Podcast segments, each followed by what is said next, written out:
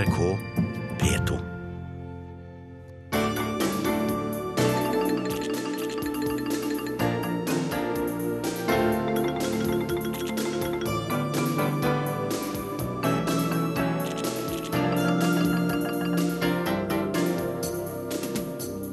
Gledesrus i Stockholm da de to svenske journalistene endelig slapp fri i Syria.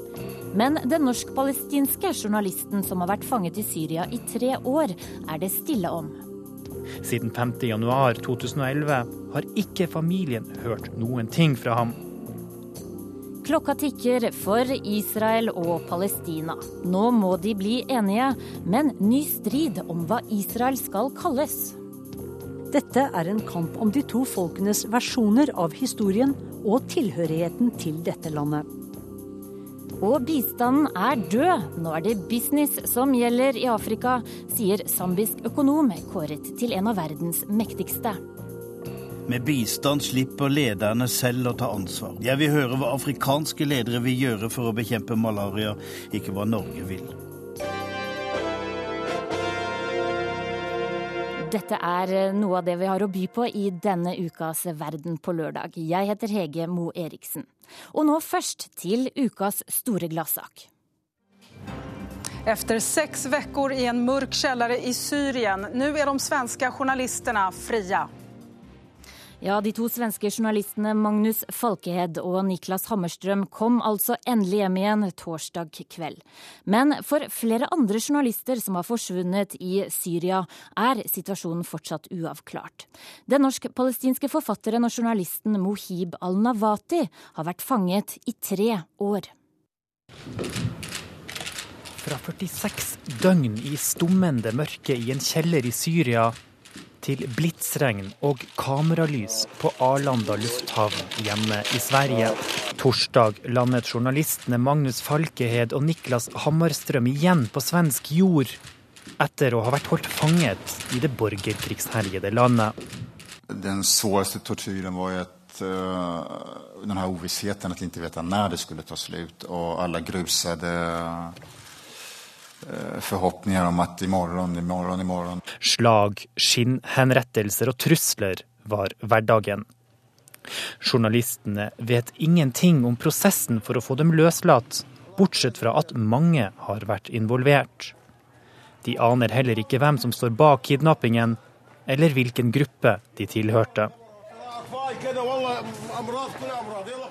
Den italienske reporteren og forfatteren Francesca Borri er en av få utenlandske journalister som har dekket borgerkrigen i Syria fra bakken helt siden opprøret begynte. Om få uker utgir hun en bok hvor hun skildrer den dramatiske situasjonen i Aleppo gjennom et helt år. On the ground, also for uh, for journalists, and changed dramatically. Because at the beginning, of course, we were seen like you know uh, friends Situasjonen har endret seg dramatisk på bakken, også for journalister. I begynnelsen ble vi sett på som venner av revolusjonen, som journalister som var der for å bevitne hva som foregikk. Nå kidnapper de oss, forteller hun til NRK på telefon fra Amsterdam, hvor hun legger siste hånd på arbeidet med boken sin. So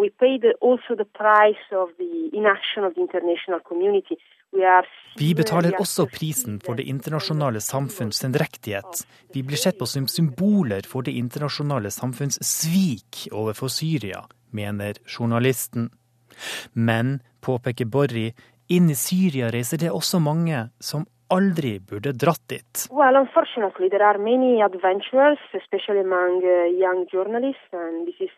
Det er mange eventyrere, mange unge journalister. Nå kan man booke billigfly til Tyrkia. Det er ikke dyrt å dekke slike ting lenger. Hun anklager også journalistene for ikke å samarbeide spesielt godt. I jakten på de gode historiene holder reporterne kortene tett til brystet. It's crazy, because we already live, uh, you know, in dangerous situations, and cooperation is something you know can really make the difference between uh, Det er galskap. Vi står allerede overfor en farlig situasjon, og samarbeid kan virkelig utgjøre forskjellen mellom å overleve eller å bli kidnappet eller sågar skutt. Det er ekstremt farlig, sier Borri, som selv påstår at hun er den siste utenlandske journalisten som har kommet seg ut av Aleppo i live. Ifølge organisasjonen Reportere uten grenser har minst 25 journalister mistet livet siden konflikten i Syria startet våren 2011. Mange har også forsvunnet. Blant dem er den norsk-palestinske forfatteren og journalisten Mohib al-Nawati. Al-Nawati flyktet fra Gaza sammen med seks barn og kone i 2008 etter en bok han skrev om de politiske forholdene i Midtøsten. De kom til Norge, fikk opphold og har etter hvert også blitt norske statsborgere.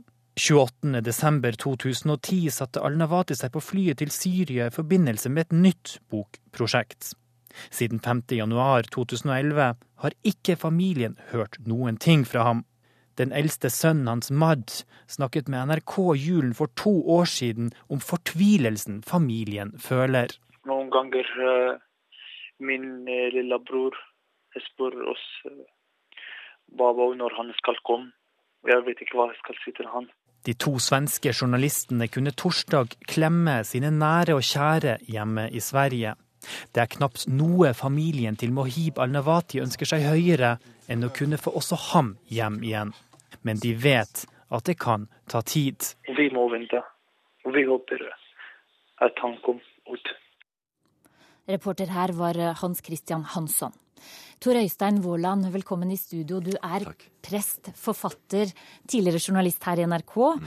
og medlem av støttegruppa til Mohide al-Nawati. Ja. Helt først, du kjenner han jo godt. Hvem er han? Mohib er en eh, journalist i 40-årene fra Gaza som eh, har gjort det som journalister skal gjøre, nemlig å dra ut i felten, se selv, snakke med folk og beskrive det. Det gjorde han eh, spesielt med Hamas før Hamas kom til makten i Gaza. Han reiste rundt, intervjuet alle daværende ledere, og skrev en bok om det. Og det gjorde han på eh, helt eh, fine, vanlige journalistiske metoder. Og den boken brakte han i trøbbel. Han ble fengslet av israelerne, og han ble da forfulgt etter hvert også av, av Hamas. Og da de kom til makten, så ble det farlig for han å være i Gaza. Så han er en ordentlig journalist som jobber etter journalistiske metoder. Og han kom altså til eh, Norge. Hva var det som var årsaken til at han siden ble arrestert i Syria? Han bodde i Norge etter hvert, som du sier, og familien kom etter. Og han hadde et ønske om å få denne boken som han skrev om Hamas, oppdatert. Da han dro til Syria uh, for tre år siden, så var det ikke borgerkrig. Det var et uh, farlig regime, og det var han veldig klar over. Men det var i Syria at Hamas-ledelsen holdt til på den tiden. Det var før Hamas brøt med det nåværende regimet. Og det daværende regimet. Da var de gode busser, og de hadde et ly de kunne holde til med politbyrået sitt i Damaskus. Godt vernet om av, av de syriske myndighetene.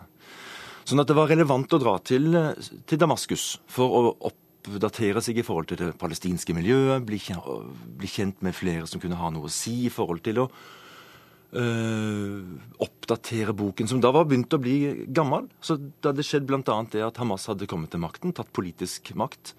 Og, og, han Så vidt jeg har forstått, så er det det som var hans hovedhensikt med å dra til Damaskus. Og han ble arrestert der? Det er det ingen tvil om, og det er, kommet, det er blitt bekrefta siden nå av, av, eh, syriske myndigheter at Etterretningstjenesten, en av de mange, ti-tolv etterretningstjenestene, eh, tok ham. Og nå har han altså sittet fanget i tre år. Hvorfor er det så stille? Og seks dager. Og seks dager. Hvorfor er det så stille omkring ham, i motsetning til den voldsomme oppmerksomheten som svenskene har fått? Et svar er at det er stille fordi sånne programmer som dette og journalister i Norge ikke har brydd seg noe særlig om saken og hans situasjon.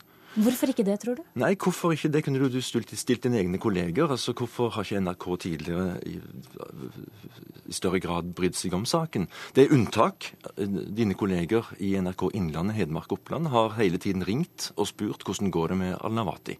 Det har de gjort fordi han har bodd eh, først i Oppland og så i Hedmark. Han bor, familien bor på Stange utenfor Hamar nå. Men i, for øvrig så har det vært ganske stille. Det er vel litt unntak også med Klassekampen, litt unntak med, med, med, med noen journaliststudenter som har vært interessert i saken hans. Men, men årsaken til dette kan man jo bare spekulere i. Jeg tror at den snille forklaringen kan være at, at han, var, at han er frilanser. Han var medlem av Norsk Journalistlag. Men frilanser og ikke utsendt fra noen. Det var ingen, som, ingen redaksjon som, som, som sei, sa Mohib, nå må du dra til Damaskus og, og oppdatere boken din. Jo, eller skrive noen saker, eller lage noen saker derfra. Han dro på egen hånd, sånn som mange frilansere gjør, uten at de egentlig har et helt klart oppdrag. Og dermed har det heller ikke vært noen som har hatt sånn, sin egen interesse i å, å, melde han savnet eller følge saken hans. Så er det også sånn at da blir det jo heller ingen dynamikk. Det er jo noe med disse mediedynamikkene. Så en sak tar en sak, tar en sak, og hvis en, noen tar han, så er det andre som følger på. Uh, så det er ingen som har hatt ansvar for ham? Nei, jeg tror ikke det. Og det, det er den snille forklaringen. Og den ikke helt andre, ikke så snille forklaringen, hva er det da? Den som familien kan føle ganske sterkt på, er at, ikke har vært, uh, at han ikke er etnisk norsk. Derfor har det heller ikke vært så interessant å følge han. Som, om, som når etnisk norske, eller når etnisk svenske reportere forsvinner. Helt til slutt, Synes du mediene har sviktet i denne saken? Ja, det syns jeg absolutt. Og det er veldig bra at det nå har vært mer oppmerksomhet rundt ham den siste uken. Og jeg tenker at Noe av det som kan skje, er at hvis folk begynner å etterspørre ham, så vil det også forsterke presset på de syriske myndighetene. Og med den konsekvens at det er en større håp om å få ham løslatt, etter at vi nå vet før jul at han faktisk sitter fanget, for det er blitt bekreftet. Håp har dere fortsatt? Absolutt. Tusen takk for at du kom til Verden på lørdag, Tor Øystein Våland. Takk det samme.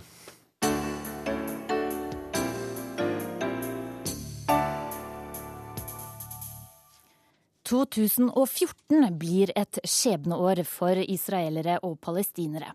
De må bli enige om å danne to selvstendige stater, en israelsk og en palestinsk. Hvis ikke kan de vente en strøm av boikott og sanksjoner fra en verden som er i ferd med å miste tålmodigheten. Og stridens kjerne akkurat nå er hva en israelsk stat skal hete. I will say that uh, we are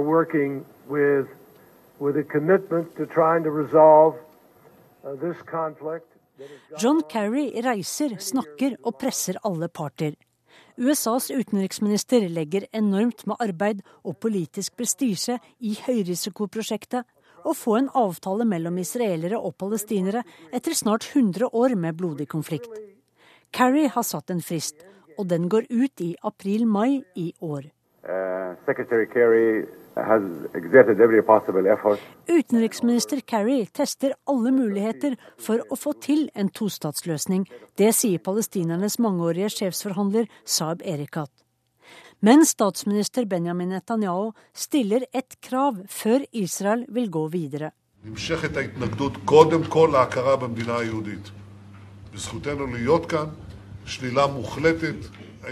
Palestinerne fortsetter å motsette seg en anerkjennelse av den jødiske staten. Vår rett til å være her. Vi har mange problemer, men dette er det altoverskyggende problemet nå, sa Netanyahu denne uken. For selv om både Yasir Arafat og Mahmoud Abbas har anerkjent staten Israel, er ikke det lenger nok for Netanyahu. Nå må palestinerne også anerkjenne staten som hjemlandet til det jødiske folk. Men hvorfor er så dette begrepet så problematisk? Dette er en kamp om narrativen, kampen om de to folkenes versjoner av historien og tilhørigheten til dette landet. Om palestinerne anerkjenner Israel som hjemlandet til det jødiske folk, antyder de samtidig at sionistene gjorde rett i å fordrive 700 palestinere i 1948, siden landet jo ikke tilhørte dem. Skulle president Mahmoud Abbas, som er født i byen Sefad, som ligger nord i Israel, viske ut sin egen families og sitt folks lange historie i landet? Og om Israel skal anerkjennes som jødenes land, hva da med den million israelske statsborgere som ikke er jøder? For over 20% av israelerne er muslimske arabere, palestinere som er født og oppvokst i Israel, som ikke dro i 1948. Som palestinsk president kan ikke Abbas gå med på å gjøre sine egne til annenrangs borgere i det landet de har bodd på i generasjoner. At Israels høyreside vil presse palestinerne til å akseptere begrepet nasjonen for det jødiske folk, har flere forklaringer. Én er at de jødiske israelere har en redsel for å bli jaget igjen etter århundrer med forfølgelser og folkemord. En annen er at diskusjonen om dette begrepet overskygger de andre sakene John Kerry prøver å løse. Fremtiden til palestinske flyktninger, bosettere, Jerusalem og grensene. Netanyahu, som er i krysspress mellom John Kerry og sine egne hardlinere i Likud-partiet, makter ikke å ta de smertefulle avgjørelsene som Ariel Sharon i sin tid turte å ta. Om palestinerne ikke vil anerkjenne begrepet jødisk stat, ja, da har Netanyahu en å skylde på når Kerrys store innsats mislykkes. Også liberale israelere og amerikanske jøder kritiserer Netanyahu for å bringe opp jødisk stat-begrepet nå. En stat der en femtedel av statsborgerne ved fødsel blir annenrangs borgere, både juridisk og materielt sett, kan heller ikke aksepteres av israelske jøder som har normale demokratiske instinkter, skriver Bernard Avishai i The New Yorker. Kollega Sissel Wold rapporterte. Også her hjemme ble det heftig debatt om Israel denne uken, på grunn av denne karen. Jeg vil se verden sånn som alle andre. Den norske artisten Moddi avlyste en planlagt konsert i Israel i februar, med tungt i hjertet, som han sa, fordi han mener stillhet er det eneste middelet som er igjen mot det han mener er en uakseptabel israelsk okkupasjon. Og det fikk deg til å reagere kraftig. Susanne Aabel, du er kjent blogger, journalist og nå klar med eget program på kanalen Bliss. Hva var det som provoserte deg sånn? Nei, vet du hva, Det var eh, et eller annet med at eh, For det første at han, han hadde studert dette her i to uker, sa han. Det syns jeg var en litt kort grunnlag til å ta en sånn alvorlig avgjørelse på. Men også i, i hovedsak fordi jeg syns virkemiddelet boikott er eh, håpløst. Jeg synes det, fall, altså det er ikke det at kunstnere ikke kan ta politiske eh, valg, og i hvert fall ikke i Midtøsten-konflikten, men jeg tenker at eh, kunsten er i hvert fall det som jeg har tenkt at kan vinne folk sammen.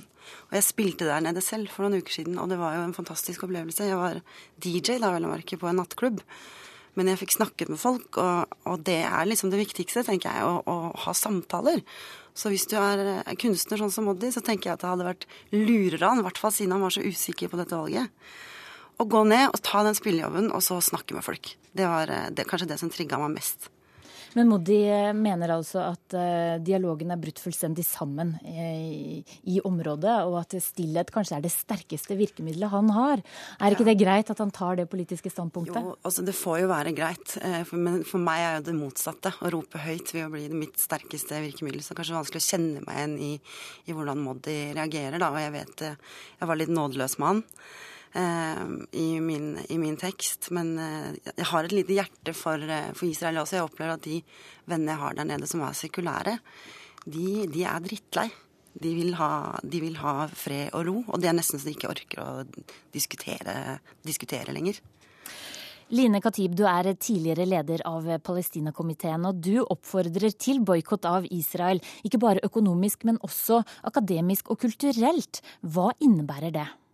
Eh, dette handler jo om, nettopp som Abel er inne på, at folk er drittlei, og at ikke de gjør noen mm. ting. Og problemet er nettopp det, at israelerne ikke gjør noen ting. Og eh, Grunnen til at vi støtter dette ropet om boikott, sanksjoner, eh, aksjoner, er at dette er et rop fra palestinerne. De som har vært okkupert på Vestbredden i 46 år. Problemet har vart i 65 år siden staten Israel ble opprettet. 700 eh, 000 mennesker ble drevet på flukt. Det skjer ingenting, og situasjonen på bakken blir verre. Israel bygger ut bosettinger, de stjeler mer jord, de bygger ut muren, og systematisk så holder de innesperret fire millioner mennesker på Gaza og Vestbredden. Og så skjer det ingenting. Og denne eh, aksjonen om å boikotte og bruke dette virkemidlet det, altså Boikott er ikke et mål i seg sjøl. Hva konkret er det du mener skal skje? Hvordan skal man gjennomføre en sånn boikott? Altså, hvis israelerne ikke får noen signaler utenifra om at det de gjør, at staten og okkupasjonen som staten utfører, er helt feil, så vil det ikke skje noen ting. Og det er helt viktig og nødvendig med det presset utenifra for å faktisk få folk i Israel til å våkne opp. Og jeg kjenner også sekulære israelere som bor i Tel Aviv, og som er utrolig hyggelige folk, men som ikke har vært eh, i Ramallah eller i Palestina i Vestbredden på 10 og 15 år, fordi de er redde og fordi de ikke skjønner hva som skjer der. Og Da har vi et kjempestort problem. Problemet er at eh, med en boikott så får vi en betinget dialog. Eh, du får eh, premisser for hva som må til for at du skal komme fremover. Og det som må til, er jo at Israel opphever okkupasjonen, og at de begynner å rette seg etter internasjonal mm. lov. Og bare én ting som jeg la merke til i det innlegget som du skrev, Aabel, det var jo at du mener at okkupasjonen er regulert av folkeretten. Og det er jo mm. helt feil. Altså alle FNs mennesker ja, Nei, men det er ikke, vi som er ikke enige. Altså, hvis du bruker FNs menneskerettighetseksperter og de som kan internasjonal lov, Genévekonvensjonen, så ser jo vi at Israel bryter eh, internasjonal lov. og Det er jo noe de har fått påpekt gang på gang på gang i eh, ulike fora. Og Problemet er jo at det får ingen konsekvenser for dem. Ja, men akkurat der er vi jo ikke uenige. Jeg er jo eh, skammelig Men Er det, ja. boikottmiddel, eller er det boikott av Israel som du er mot? Jeg, er, jeg syns eh, altså Det som provoserte meg aller mest, var at jeg, jeg syns jeg ser det her så ofte. Sånn, altså at Line har et brennende engasjement for Israel. Det er helt å, åpenbart, og det, det, digger jeg. Og folk må engasjere seg i sine fanesaker. Men jeg opplever at nordmenn har et litt sånn ukritisk uh, forhold til, til uh, den Midtøsten-konflikten hvor jeg ikke opplever at de er engasjert i noe spesielt annet. Og det var også et av poengene mine med at man da kan sette seg ned og si at man har studert konflikten i to uker, og, og velge å boikotte kunstnerisk. Og angående akademisk boikotting av Israel, så da, da, er det ganske mye du må ta tak i. Da får du legge fra deg Mac-en din og mobiltelefonen din og, og, og slutte å spise avokadoene dine og, og, følge helt opp, da, syns jeg. Men hva mener du, hvor lenge skal en uh, okkupasjon kunne vare uten at det får noen konsekvenser? Hva skal verdenssamfunnet gjøre da? Jeg har en sånn naiv drøm om at noen bare skal gå inn, noen i dette tilfellet kanskje kan være USA, og, og, overstyre Israel der. Og fjerne bosettingene og, og, og, la palestinerne få det landet de har krav på. Og det, og det mener jeg av hele mitt hjerte. Men, eh, men må, man må kunne få jeg er veldig usikker på om det kommer til å bli noen løsning på dette i det hele tatt. fordi jeg tror det handler først og fremst om religion. Line Katib, du er ikke redd for at uh, man med en kulturell og akademisk boikott lukker døra for de menneskene i Israel som kjemper for et annerledes Israel, som Nei. du også vil ha? Det som er veldig viktig med dette, er jo å forstå at en boikott betyr jo ikke at man skal kutte kontakt med israelere. Uh, vi har masse kontakt med israelere. Jeg kjenner mange israelere. Det finnes et, uh, en israelsk organisasjon som heter Boycott from Within, som selv støtter denne boikotten og sier at vi må få press utenifra, vi må få hjelp og støtte utenifra. Mm. Og Boikotten sier òg at vi boikotter israelske demokratiske institusjoner, men vi støtter organisasjonene som jobber mot okkupasjon og for fred.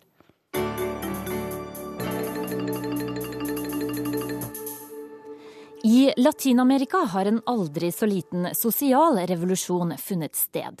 Tallet på fattige er halvert det siste tiåret, og for første gang i historien er middelklassen nå større enn antallet fattige.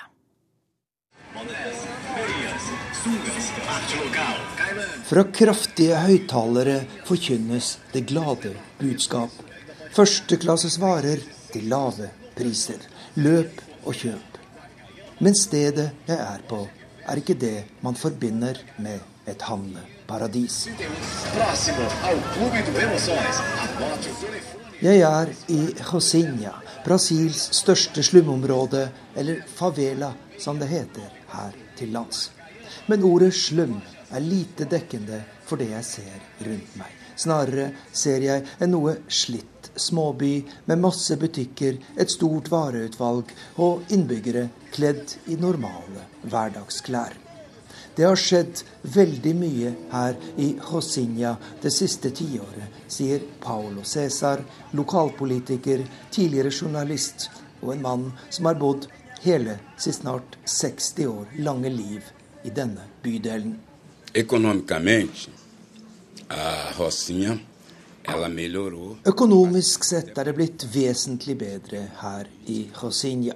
En stor del av de mer enn 100 000 innbyggerne som bor her, tilhører i dag den brasilianske middelklassen. Det er folk som jobber i alle slags yrker, fra kelnere, drosjesjåfører og ekspeditører til bankfolk og advokater. På et drøyt tiår er nær 30 millioner brasilianere kommet ut av fattigdommen. I hele Latin-Amerika er tallet på fattige halvert, og utgjør nå drøyt 13% av regionens befolkning. De viktigste årsakene er sterk økonomisk vekst og inntektsoverføring fra rik til fattig. Eu percebo que a qualidade de vida aqui melhorou bastante. Jeg opplever at livskvaliteten er blitt vesentlig bedre, sier helsearbeideren Luciana Raúcho da Silva i Josinha.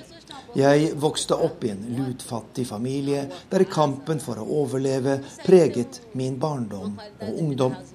I dag er jeg sykepleier og tjener bra, noe som har gjort det mulig å gi mine foreldre et nytt hjem og et nytt liv, sier 22-åringen.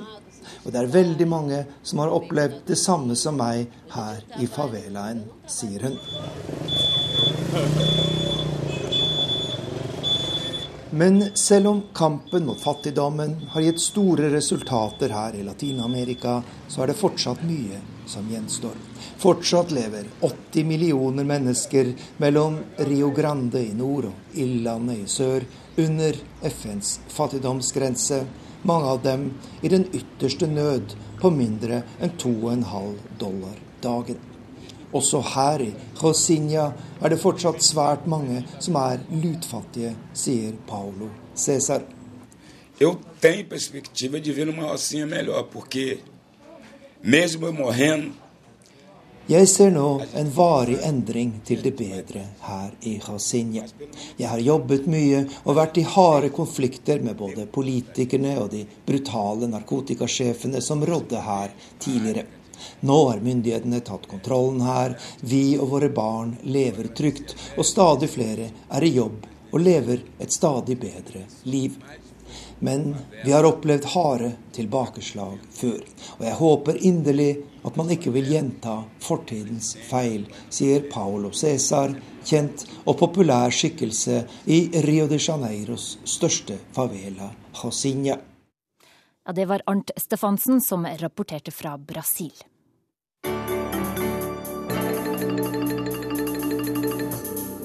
Klokka er snart 11.30, og du hører på Verden på lørdag. Og nå skal det handle om Hellas. Under mottoet 'Sammen seiler vi videre' er det Hellas som nå skal stake ut kursen for kriserammede EU. Denne uka overtok Hellas formannskapet i EU, som går på rundgang mellom medlemslandene. Men å lede EUs viktigste politiske organ klinger ikke like bra i alle greske ører. Taktfast ropte det ut sin misnøye, og rasende demonstranter satte fyr på EUs flagg. Til tross for strenge sikkerhetstiltak og protestforbud hadde noen EU-motstandere samlet seg i sentrum av Aten, samtidig med at eliten i unionen feiret Hellas sitt lederskap. Den samme unionen som grekere flest mener er årsaken til deres lidelser.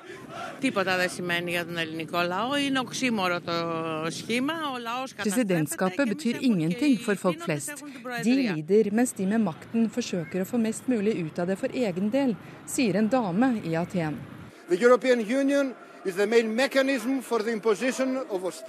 er noe råttent i hjertet av Europa. EU er en mekanisme for innsparing og for ekstreme tiltak i de fleste europeiske samfunn.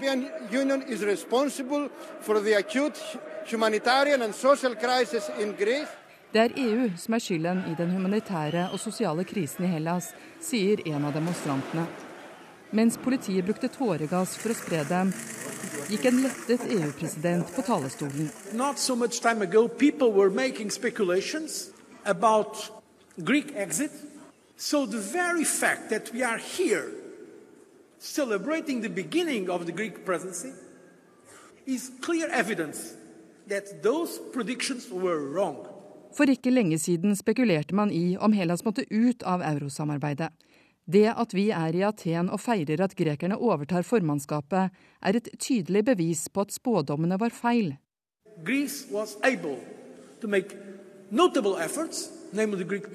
Grekerne, dvs. Si det greske folk, har gjort en fantastisk innsats, sa José Manuel Barroso. Men vanlige folk har ikke frivillig tatt på seg byrdene. Våren 2010 var det voldsomme demonstrasjoner og sammenstøt i Aten. Regjeringen hadde fått kriselån fra EU og pengefondet. For å få Hellas tilbake på sporet, sa Frankrikes finansminister og kommende sjef for pengefondet, Christine Lagarde. Vilkårene var kraftige lønnskutt og nedskjæringer.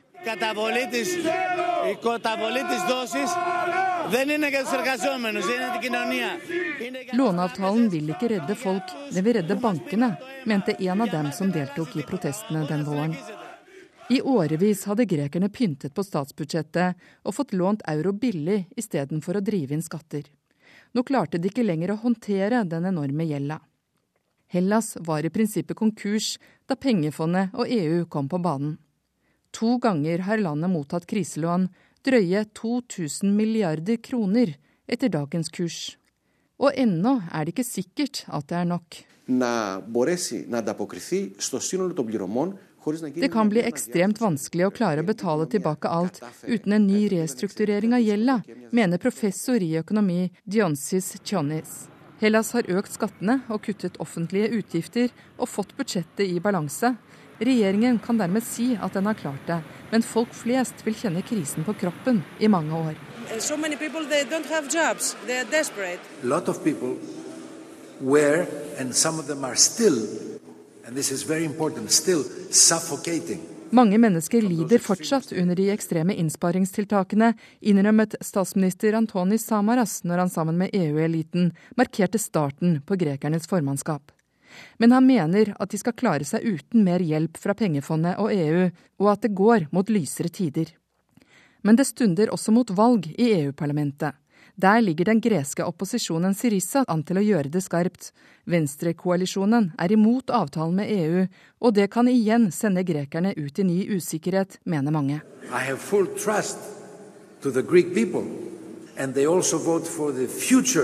Jeg stoler på det greske folk og at de vil stemme for fremtiden, sier Samaras, som ønsker å holde stø kurs fremover. Men ikke før hadde applausen lagt seg så kom nye tall over arbeidsledige i Hellas. Etter åtte måneders stillstand steg den fra 27 til 27,8% i forrige måned. Europakorrespondent Åse Marit Befring rapporterte. Kjetil Widsvang, du er kommentator i Dagens Næringsliv. Det er på mange måter EUs sorte får som nå overtar formannskapet. Hva betyr det egentlig? Er det sånn at EU nå bør grue seg med Hellas ved roret? Nei, sannsynligvis ikke. For en del år siden så var dette halvårlige formannskapet, altså hvert land det går på, rundgang, ganske viktig for styringen av EU. Det er redusert ganske mye de siste årene. De arrangerer ikke toppmøtene lenger. De uh, har ikke, altså, EU har fått en del, EU-rådet av uh, landet har fått en egen president, Herman von Rompuy, og dermed så er det ikke fullt så viktig som det var. Men, eh, men, er det egentlig sånn at man kan se eh, litt spor etter hvilket land som har hatt formannskapet? Det har man. Men igjen da særlig før disse reformene kom for noen år siden. Og det er ikke slik at det er de store som bestemmer mest. Noen av de mest suksessrike formannskapene har Danmark hatt. Det var de som hadde det i 92, da man bestemte seg for å ta opp alle landene fra Øst-Europa. De hadde igjen ti år senere, som også ble regnet som et av de veldig suksessrike. Samtidig, f.eks. da Frankrike hadde formannskapet ved årtusenskiftet, så holdt de på å kjøre hele utvidelsesprosessen av sporet. Riktig. Eh, men eh, i forhold til Hellas, da. Mm. Hellas går jo nå fra en type offerrolle i EU til å ha en lederrolle. Men hva kan Hellas egentlig få til? Jobben for det landet som har formannskapet, er litt å være en megler. Altså få de forskjellige institusjonene i EU, rådet, kommisjonen, parlamentet, til å handle sammen. Og få landene til å, å operere sammen og bli enige. Det er jo en sånn evig kompromissmaskin, hele EU-systemet.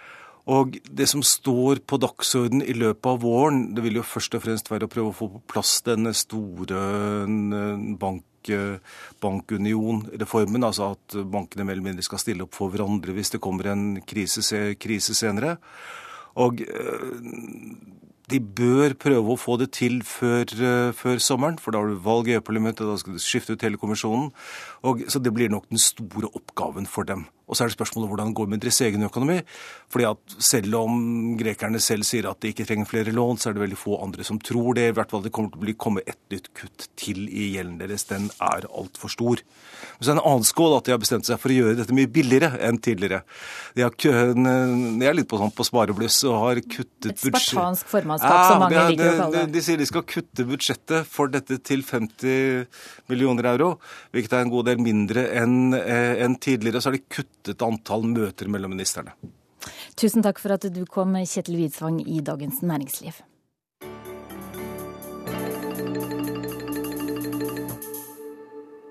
Hun har fordømt bistand og sagt den er skadelig, og mener det eneste som nytter er en sunn forretning. Hun er ung og afrikansk, velutdannet og usedvanlig veltalende, og en av verdens mektigste økonomer. Hun heter Dambisa Moyo og ankom Oslo denne uka på de høyeste hælene som Skagenfondenes årskonferanse noen gang hadde sett. Tom Christiansen traff henne. Well, it's going to change in two years. China becomes the largest economy in the world, in you know, GDP terms. Salen var fullsatt. Hun hadde nettopp forklart hvorfor bistand skaper korrupsjon, hvorfor Kina lykkes i verden og USA taper. Hun har henvist til sine bestselgere, Hvorfor verden taper og brannfakkelen Dead Aid. Det er lettere for afrikanske ledere å ta en telefon til Norge eller Verdensbanken og be om 30 millioner enn å lage en plan selv. Med bistand slipper lederne selv å ta ansvar. Millioner inn i statskassa skaper korrupsjon. Jeg vil høre hva afrikanske ledere vil gjøre for å bekjempe malaria, ikke hva Norge vil. En slik politikk vil ha dødelig utgang, sa Hilde Frafjord Jonsson i sin tid, da boken kom. Supergiveren Bill Gates tok hardere i. She didn't know much about aid and what aid was doing, and you know, she is aid critic. Uh, there's not many uh, because it's moralistically a tough position to take, uh, given what aid has been able to do. Uh, den dama vet ikke mye om uhjelp og hvordan den virker, sa Bill Gates da hun utga boka Dead Aid. Våre gaver gjør at barn kommer på skole og får ernæring. Bøker som den hun har skrevet, skaper bare ondskap, sa Bill Gates. Dambisa Moyo vil ikke snakke om Bill Gates. Han skal ikke få mer reklame fra henne. Bill who? spør hun. Og denne ondskapsfulle afrikanske økonom på 42 år har med stor overbærenhet minnet Bill Gates om hvem hun er, og hva hun vet om f.eks. bistand.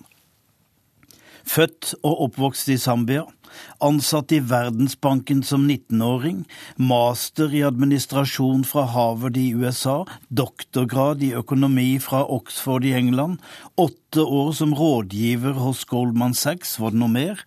Jo, kanskje at Time Magazine i 2009 kåret henne til en av verdens 100 mest innflytelsesrike personer.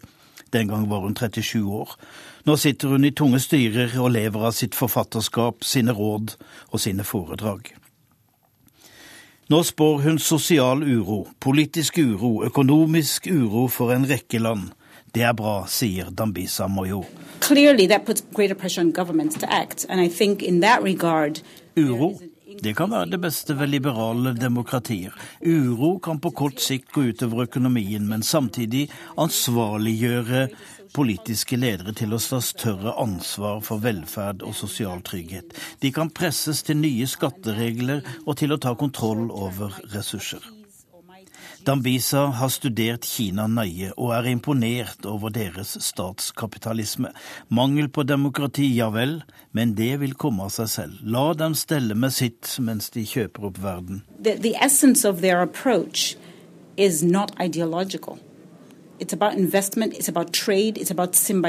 Kina er ikke ute i ideologisk ærend. De vil handle, de vil business, de vil samkjøres med resten av verden. Gi og ta. De vil investere. Og det er ikke gratis, slik bistand ofte er. Det er samme historien hvor enn du vender deg. Hjemlandet mitt, Zambia, Australia, Russland, Brasil, Canada. Kina er overalt. Men hva så med det fattige Afrika? Mange rygger tilbake, men Afrika er rikt, sier Dambisa Moyo. Både på ungdom og mineraler. De har både kunnskap, arbeidskraft, olje, diamanter og fisk i havet. Er det ikke likevel risikabelt å investere i Afrika? Well, look, somebody said to me, well, what? Invest in Norwegian bonds. Risiko, ja. Det er risikabelt å investere i norske fond også, riktignok av en annen type risiko. Men risikoen ved å investere i Afrika følger de samme regler som ellers. Du må se etter kapital, arbeidskraft og effektivitet. Afrika har alt det. De har masse ungdom som etter hvert er utdannet, de har råvarene som trengs, og de importerer den teknologi de trenger for å være effektive. Vanskeligere er det ikke, sier Dambisa Moyo, og så legger hun til. Husk at blant verdens ti raskest voksende økonomier er sju afrikanske. Ingen er europeiske. Stakkars Europa. Ja, bistanden er død, nå er det business som gjelder, sier Dambisa Moyo. Og statssekretær Hans Bratskar i Utenriksdepartementet, er du enig i det? Eh, jeg eh, syns det er veldig fint eh, at en anerkjent internasjonal akademiker som Dambisa Moyo retter et kritisk blikk mot bistand. Men jeg vil påpeke at moderne utviklingspolitikk er noe helt annet enn tradisjonell bistand. På hvilken Og, måte da? Eh, altså hun, hun, maler med altfor bred pensel her. Jeg vil si at vi eh, gjør eh, ting på en annen måte enn kanskje hun er opptatt av. Jeg vil nevne da innsats som vi har på viktige områder som helse og utdanning. Helse og utdanning, altså en, en frisk befolkning, en utdannet befolkning, er en forutsetning for økonomisk vekst. Dambisa Moyo er jo svært kritisk da, til den europeiske bistandsmodellen. Har vi grunn her i Norge til å være fornøyd med det norsk bistand har fått til? Vi kan være fornøyd med veldig mye av det vi har gjort, og så må vi ha et kritisk blikk eh, både på fortiden og hvordan vi driver bistand i dag. Eh, denne regjeringen ønsker en moderne og fremtidsrettet bistandspolitikk. Eh, vi er i full gang med det arbeidet. Og privat sektor, næringslivssatsing, handel vil stå sentralt i det vi vil eh, kalle moderne utviklingspolitikk. Og næringslivssatsing er jo nettopp det du driver med, Elisabeth Klerk Nilsen. Du forlot altså en toppjobb i Virke i 2012, tok med mann og barn og flytta til Nairobi i Kenya. Eh, hva var det dere gjorde der? Eh, det høres kanskje ut som vi mangler sperrer, og det gjør vi vi kanskje til en viss grad.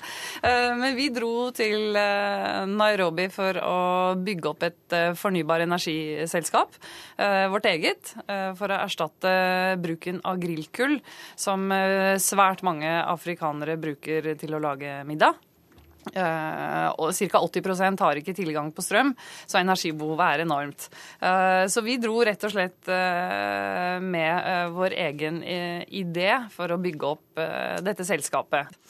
Som forretningskvinne, hva, hva, tenker du når du hører Dambisa Moyo si at bistanden er død, nå er det business som gjelder? Er du, er du enig i det? Ja, altså jeg er enig med Bratskar i at hun, hun, maler med veldig bred pensel. Uh, men uh, jeg er 100% overbevist om at det er business som er fremtiden for Afrika. Det betyr ikke at bistanden er død, for man trenger bistand uh, til mange områder. Og utdanning er nevnt her. det er et helt åpenbart område hvor bistanden kan spille en svært viktig rolle. Når det er sagt, så bruker jo Norge og, og mange andre land enorme summer på bistand. og jeg er av den oppfatningen at noen av de pengene eh, kanskje kunne vært brukt enda bedre på eh, prosjekter som har en kommersiell tvist, hvor vi får de pengene til å yngle og til å være skape bærekraftig utvikling, fremfor at de går til enkeltprosjekter som dør den dagen pengestrømmen tar slutt. Ser du eksempler på det i Kenya f.eks.? Ja, altså det er eh, enormt med seminarer man blir invitert til, hvor det deles ut veldig mange dyre rapporter. Eh, jeg har selv vært eh, i hvert fall én gang i uken i et år i slummen i Nairobi, Kibera. Og jeg skulle ønske jeg så mye mer resultater på bakken der. Det er ikke mange solcellepanel, det er ikke mye utvikling der. Så disse prosjektene de bør være ha fokus på bakken hos dem som trenger det mest, og ikke i eh, seminarsaler på, på femstjerners hoteller. Ja, Bratskar, hva vil regjeringen gjøre for å skape denne veksten, for å få de til å yngle på bakken? Bare, bare si én ting om uh, Kibera, hvor både Elisabeth Kleik-Nielsen og jeg har vært. Jeg var med på for noen måneder siden å åpne en helseklinikk uh, med Leger uten grenser i Kibera. Nettopp igjen for å demonstrere da at vi satser på viktige spørsmål som kan føre til økonomisk vekst. Og Helse og utdanning er to uh, områder som vi vet er satsingsområder for Norge. Denne regjeringen legger stor vekt på begge områdene. Men hva med arbeidsplassene? Ja, la meg nevne et annet eksempel på eh, hva vi syns er viktig. Norge er flinke på natur. Eh, altså olje, gass, fisk eh, er ting som vi har stor glede av i dette landet. Forfatterens hjemland Zambia har vi gått inn da over en femårsperiode med 26 millioner kroner. Mye penger, men det har da vi brukt til å bedre Zambias muligheter til selv å kreve inn skatter. Og I løpet av denne perioden så har Zambia klart da å øke inntektene fra gruveindustrien, eh, skatteinntektene fra gruveindustrien fra 2 til 7 milliarder kroner. Så dette er hjelp til selvhjelp. Det er moderne utviklingshjelp. At vi bistår landene til selv å kunne finansiere sin utvikling. Kina investerer jo nå mye i Afrika, bygger veier, infrastruktur. Kan vi lære noe av Kina? Ja, det tror jeg absolutt. Altså, Kina har en uh, viktig rolle for utviklingen av Afrika eh, nå, og det er imponerende mye av det arbeidet eh, de gjør. Eh, de bygger bl.a. Veier bare på kort tid. Mens vi bodde i Nairobi, så kom det opp flere veier som er helt avgjørende for trafikken i Kenya. Men det er klart kritikken mot Kinas inntog i Afrika, den går jo på at de bruker egne folk. De har med seg sin egen mat, de bygger sine egne leiligheter, hoteller, og det blir små kinesiske kolonier nærmest nærmest, eh, inni det afrikanske samfunnet. Um, så, så ikke der... så mange arbeidsplasser alt i alt? Nei, og det er jo derfor eh, mange afrikanere er veldig kritiske til Kina. For de får ikke noe igjen for det. Her kommer det store prosjekter, og det bygges veier og jernbane, men det er ingen afrikanere som får jobb pga. det. Så uh, mitt inntrykk er at uh, kineserne ikke er spesielt populære. Selv om de bidrar, så er det et eller annet med at uh, den jevne afrikaner får ikke lov å være med på den festen. Denne debatten er nok ikke slutt. Allerede på mandag mandag så kommer altså OECD med sin vurdering av norsk bistandspolitikk, men det var det vi rakk her i dag. Takk til dere statssekretær Hans Bratskar og Elisabeth Klerk Nilsen.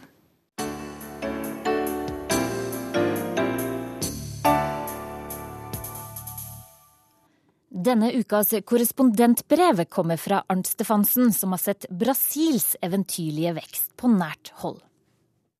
Brasil er ikke lett å bli klok på.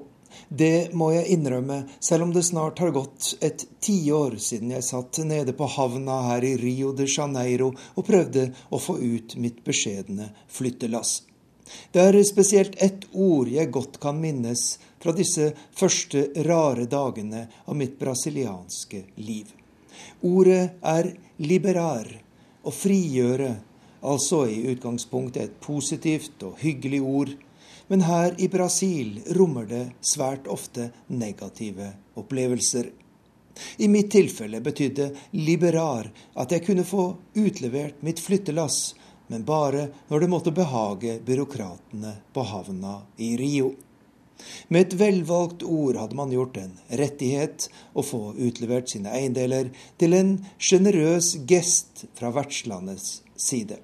Og en sjenerøs gest bør vel i anstendighetens navn belønnes med en sjenerøs godtgjørelse.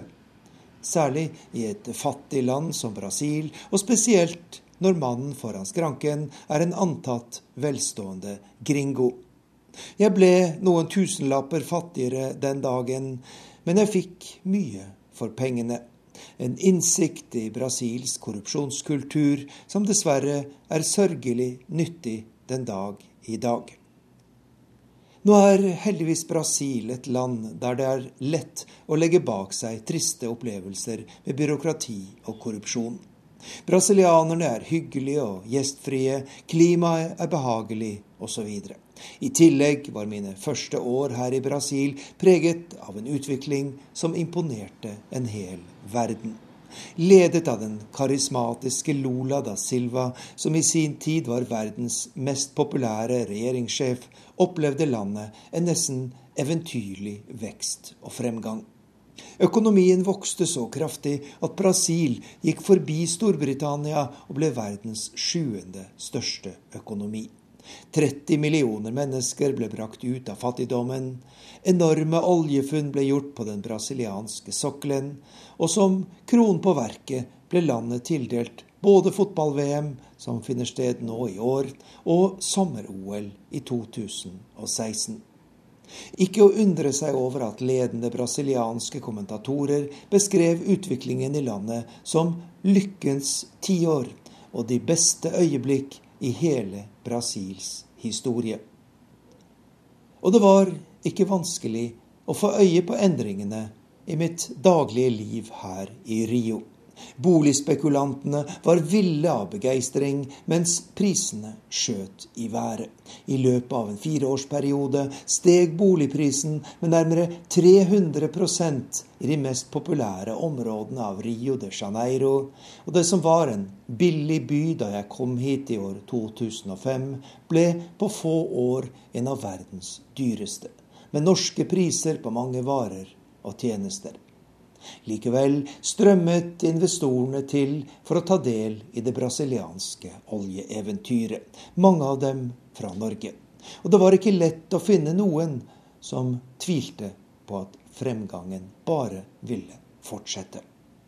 Men som jeg startet dette korrespondentbrevet med å si, Brasil er ikke lett å bli klok på. I fjor sommer eksploderte Brasil i opptøyer og de mest omfattende massedemonstrasjoner i landets historie. Verden gned seg i øynene og skjønte lite eller ingenting. Er ikke dette landet der alt har gått oppover og fremover det siste tiåret? Og selvsagt er det et paradoks, men bare på overflaten. For det er ikke vanskelig å finne gode grunner til at millioner av brasilianere er sinte og frustrerte. Selv etter en kraftig reduksjon i fattigdommen er Brasil et av verdens mest urettferdige samfunn, der 10% av befolkningen legger beslag på 40% av landets ressurser, og omvendt. Og det kanskje aller verste er at mulighetene er så ulikt fordelt. Er man født og oppvokst i et fattig område, er det mye vanskeligere å gjøre karriere enn dersom man kommer fra en velstående familie. Likhet for loven er også en fjern drøm. Den som har penger, innflytelse og kontakter, havner sjelden eller aldri i et av landets beryktede fengsler. Og selv om man kommer seg ut av fattigdommen og inn i den raskt voksende middelklassen, så er det mange grunner til å ta til gatene og protestere mot styre og stell. F.eks. den at staten legger beslag på en helt urimelig stor del av folks inntekt i forhold til hvilke offentlige tjenester, skole, helse, transport osv. som tilbys. En kjent spissformulering her i Brasil lyder som følger. Vi har et skattenivå som i Europa og en velferdsstat som i Afrika. Og de dårlige nyhetene stanser ikke der. For det er mye som nå går galt i landet, som for få år siden opplevde det kommentatoren kalte de beste øyeblikk i sin historie. I året som nettopp tok slutt, hadde landet nesten ingen økonomisk vekst, og det blir med sikkerhet ingen vesentlig bedring i året som ligger foran oss. Brasil er ikke lenger det store oljeeventyret, kanskje ikke engang de store mulighetenes land. Blant norske firmaer her i Rio hersker det stor frustrasjon over den økonomiske kulturen, og det er stor enighet i miljøet om at den som ennå ikke er etablert i Brasil, med stor fordel bør holde seg hjemme. Et av de største problemene for norske og andre internasjonale oljeselskaper er det som kalles local content, lokalt innhold. Det betyr at de aller fleste av jobbene her i Brasil skal utføres av brasilianerne. Dette er i utgangspunktet et respektabelt og forståelig prinsipp, som også ble innført da Norge tok sine første steg som oljenasjon. Problemet her i Brasil er at utdanningssystemet er så dårlig at landet er helt ute av stand til å skaffe nok fagfolk til de store og tallrike selskapene som opererer her. Dermed kan de fagfolkene som finnes, kreve fantasilønninger for sine tjenester. Og da snakker vi om inntekter som setter selv de lett beryktede nordsjølønningene totalt i skyggen. En venn av meg som er sjef for et norsk selskap her i Rio, fortalte meg at en nyansatt brasiliansk ingeniør med to års utdannelse uten blygsel krevde to millioner norske kroner i begynnerlønn, pluss tjenestebil og diverse andre ytelser. Og med slike lønninger, i tillegg til et tungrodd byråkrati, omfattende korrupsjon og en sterk politisk styring av økonomien, er det ikke å undres over at flere selskaper har trukket seg ut av viktige prosjekter her i Brasil den siste tiden. Det fremste symbolet på utviklingen her i Brasil er en mann med navn Eike Batista. Jeg hilste på mannen et par ganger da han for noen år siden hadde en del kontakt med det norske olje- og shippingmiljøet her i Rio de Janeiro en ungdommelig fyr med et gutteaktig smil som alle ville snakke med og dunke på ryggen, slik man ofte gjør i dette landet. At Eike Batista ville nå langt, var det aldri tvil om. Han gikk inn og ut av presidentkontoret i Brasilia og var kompis med alle som betydde noe i den brasilianske eliten. Og etter at Brasil gjorde sine enorme oljefunn utenfor kysten av Rio, tok det helt av. Ingen var i tvil om at Eike Batistas oljeselskap OGX var stedet å være tungt investert. X-en sto da også for det ukjente antall ganger man ville få pengene sine tilbake. Og veksten var eventyrlig. Så stor at den brasilianske finanskometen på et tidspunkt hadde en antatt formue på 180 milliarder kroner, og lå på sjuendeplass over verdens rikeste mennesker. Men det var bare begynnelsen, mente Batista. Han ville passere både Bill Gates, Warren Buffett og den meksikanske mobilkongen Carlos Slim og bli verdens rikeste. Men i likhet med så mange andre som for noen år siden hadde klokkertro på det brasilianske eventyret, tok han sørgelig feil. Verdiene han mente å sitte med, var sinnssykt overvurdert, og sist høst havnet hans stolte OGX i skifteretten, den største konkurs i landets historie. Jeg sier det enda en gang, Brasil er ikke lett å bli klok på. Verden på lørdag er slutt. Ansvarlige for sendingen var Lisbeth Sellereite, Susanne Sunde Bakke og jeg, Hege Mo Eriksen.